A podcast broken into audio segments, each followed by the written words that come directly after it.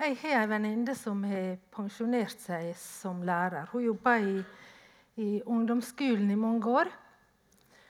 Og så ble hun invitert på sommeravslutninga her eh, nå før sommerferien. Og i programmet eh, så var det en avdeling med gode historier og vitser. Og en av elevene fortalte om en frustrert lærer.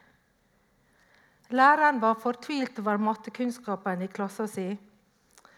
Og etter en matteprøve så sa han til dem Hadde det vært eksamen, så hadde 60% av dere strøket. Nei, sa en av elevene. Så mange er ikke oss. Bibelteksten i dag handler ikke om prosentrekning. Men faktisk kapittel 15 i Lukas egner seg likevel veldig godt til å trene på akkurat det. Bare sjekk det opp. I tillegg så får vi innblikk i ei glede som overgår alle vurderinger om hva som er lønnsomt. Lukas 15 blir kalt for evangeliet i evangeliet. Altså er det kjerna i kristen tro vi møter her. Vi blir nokså raskt presentert for en anklage mot Jesus. Og den var slik. Denne mannen tar imot syndere og eter i lag med dem. Og hvem var anklagerne? Jo, det var fariseere og skriftlærde. Det var den tida sine samfunnstopper, politikere, skulerte, intellektuelle. De stolte på at de sjøle var rettferdige, og så ned på alle andre, står det i Lukas 18. Jesus var spesiell på den måten at han var sammen med alle slags mennesker. Med kvinner og menn, barn, unge, voksne, gamle, syke, friske. Han lette opp og ble oppsøkt av folk med status og posisjon. Og han var sammen med de som var nederst på rangstien. De som var forakta og sett ned på. Men hvordan møtte Jesus denne anklaga her fra fariseer og skriftlærde? Jo, faktisk som ofte ellers med en lignelse. Og denne gangen ikke bare én, men tre. En lignelse det er en billedlig fortelling. Det er en historie som skal forklare en dypere sannhet. Og Disse tre lignelsene i Lukas 15 er en litterær enhet eh, som eh, Jesus brukte for å svare på kritikken. Og I hver av de tre lignelsene er det tre uttrykk som går igjen. Og Hvis dere snart tenkte, så vet dere det sikkert. Men det er tre uttrykk. Det er bortkommen, det er attfunnen, og det er glede seg. Det går igjen i alle lignelsene. Den første lignelsen handler om en sauebonde som hadde 100 sauer og mista én. Og så spør Jesus retorisk. Let han ikke da de 99 være att ute i øydemarka og går av sted og leter etter den bortkomne? Ingen svarte, og svarte ikke hva de tenkte. Om det var så bent for ham å svare ja på det. Men sauebonden fant sauen, og han kaller sammen venner og naboer og lager en gledesfest. I våre øyne kanskje en merkelig og ulønnsom feiring. Den andre lignelsen handler om ei kvinne med ti sølvmynter som mistet en verdi ca. en dagslønn. Og så spør Jesus, også vil jeg si retorisk Tenner hun ikke da ei lampe og soper hele huset og leter vel til hun finner henne? Ingen svarer. Og svarte hva de tenkte. Men Jesus sier videre at etter at hun fant mynten, kaller hun sammen venninne og nabokone til en gledesfest. Og det ble sikkert mye dyrere enn det mynten var verdt. I våre øyne kanskje en merkelig og ulønnsom feiring. Men slik tenker ikke Jesus. Han kommer med en sammenligning. På samme måten er det større glede i himmelen, implisitt hos Gud sjøl, over én synder som vender om, enn over 99 rettferdige som ikke trenger omvending. Og det blir glede mellom Guds engler over én synder som vender om. Den tredje lignelsen har de samme elementene i seg. Bortkommen, attfunnen, glede seg. Den handler om en fortapt sønn. En sint, men ærlig storebror. Og en far med grenseløs kjærlighet. Og Da skal jeg lese fra Lukas 15. Jesus sa en mann hadde to sønner. Den yngste sa til far sin, 'Far, la meg få den delen av formuen som faller på meg.' Så skifta han eiendommen sin mellom dem. Ikke mange dagene etter solgte den yngste sønnen alt det han eide, og dro til et land langt borte. Der levde han et vilt liv og sløste bort formuen sin. Da han hadde sett alt over styr, ble det uår og svolt i landet, og han tok til å lide nød. Han gikk da til en av mennene der i landet og ba om arbeid, og mannen sendte han ut på markene sine for å gjete grisene.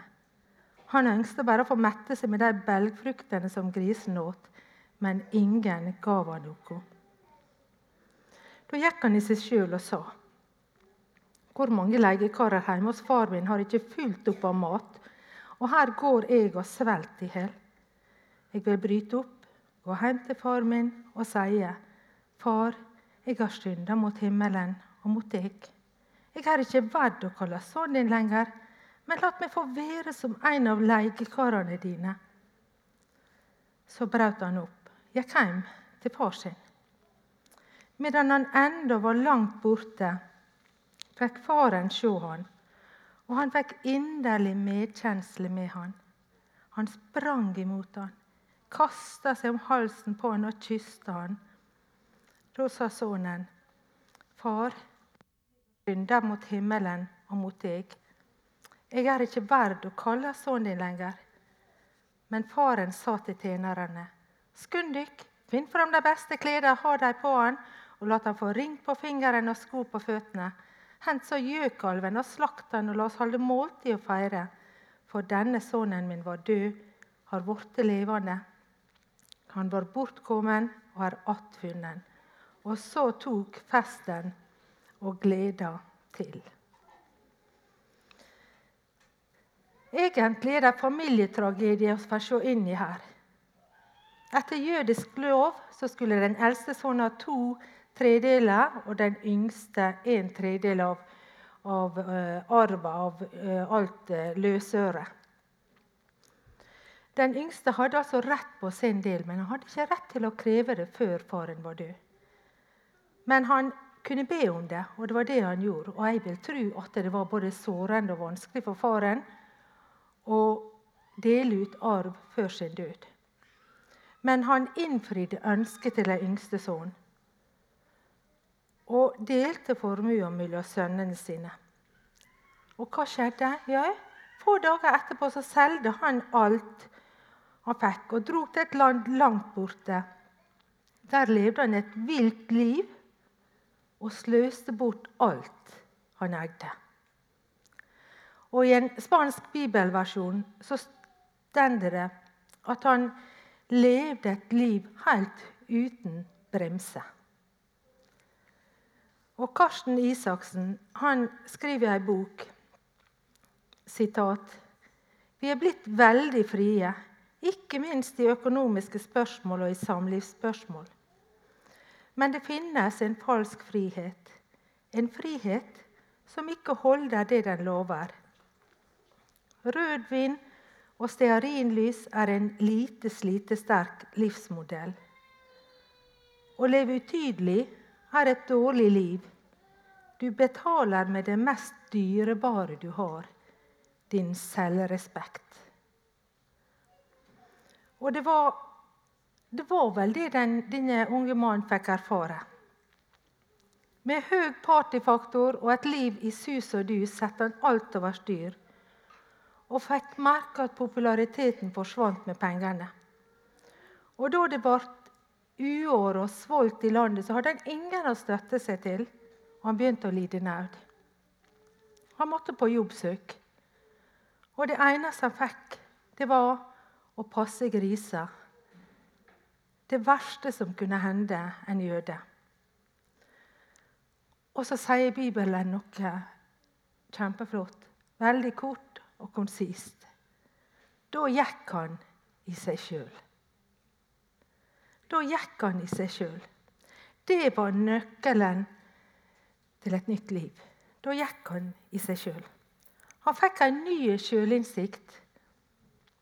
Han angra på det han hadde gjort, og begynte å sammenligne livet sitt med det livet som tjeneren hjemme på gården hos faren hadde.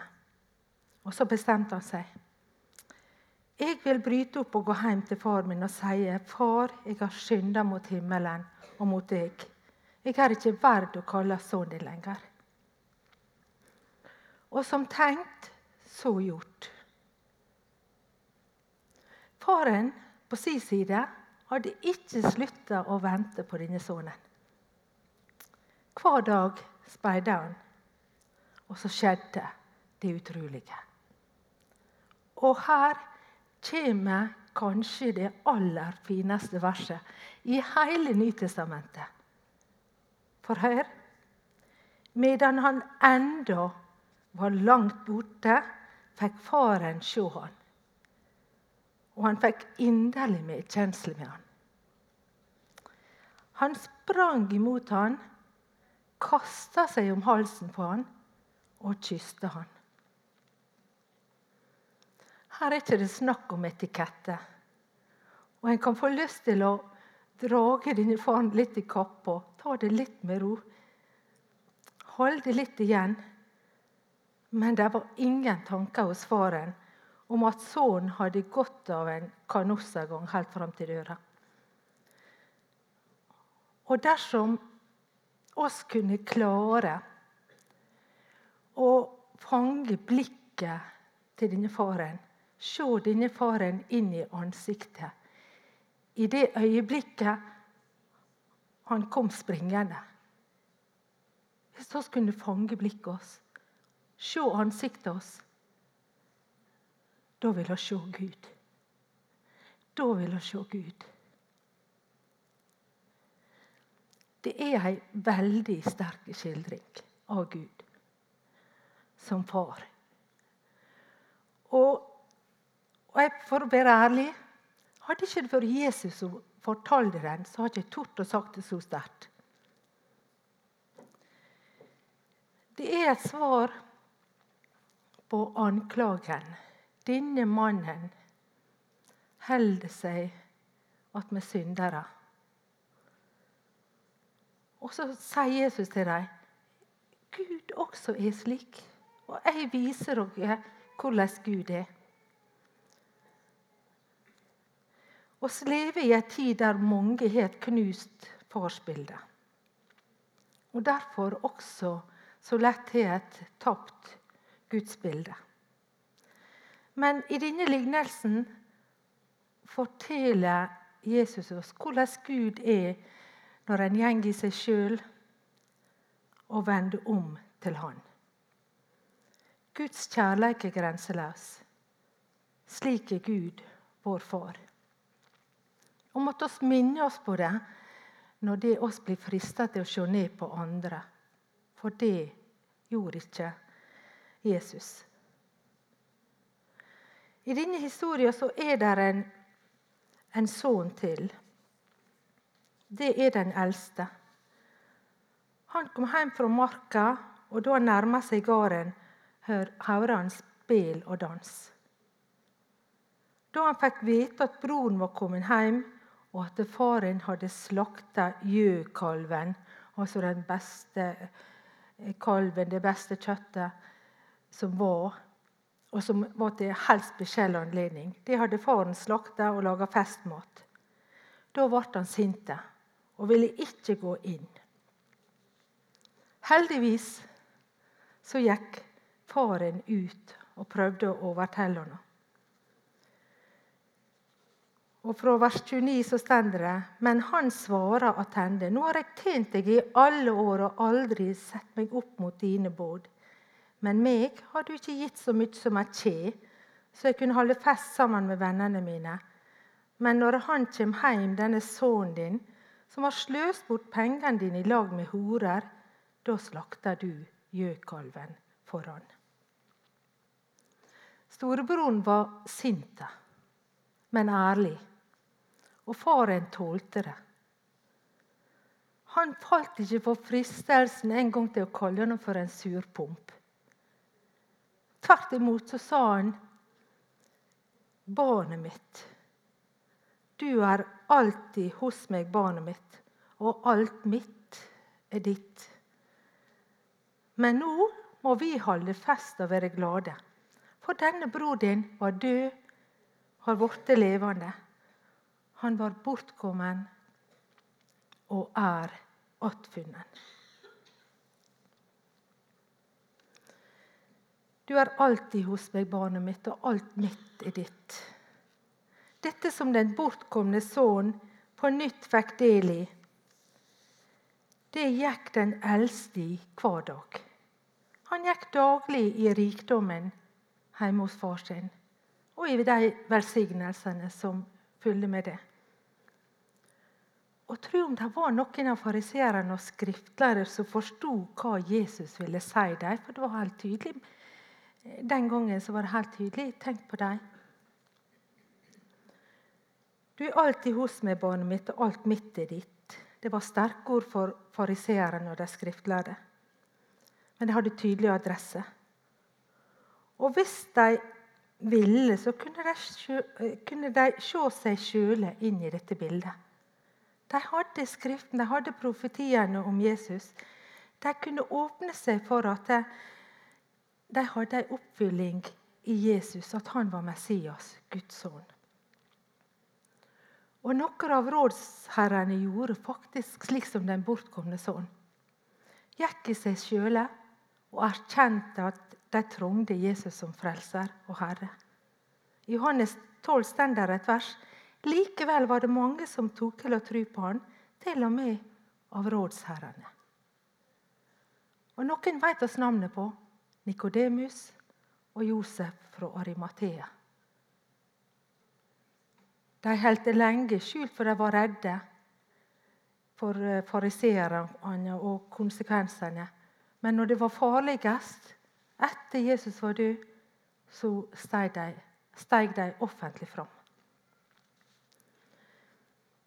I misjonssalen og heller ikke i andre menigheter så kan vi altså dele folk inn i og si at noen ligner den fortapte sønn, og andre ligner den sure storebroren.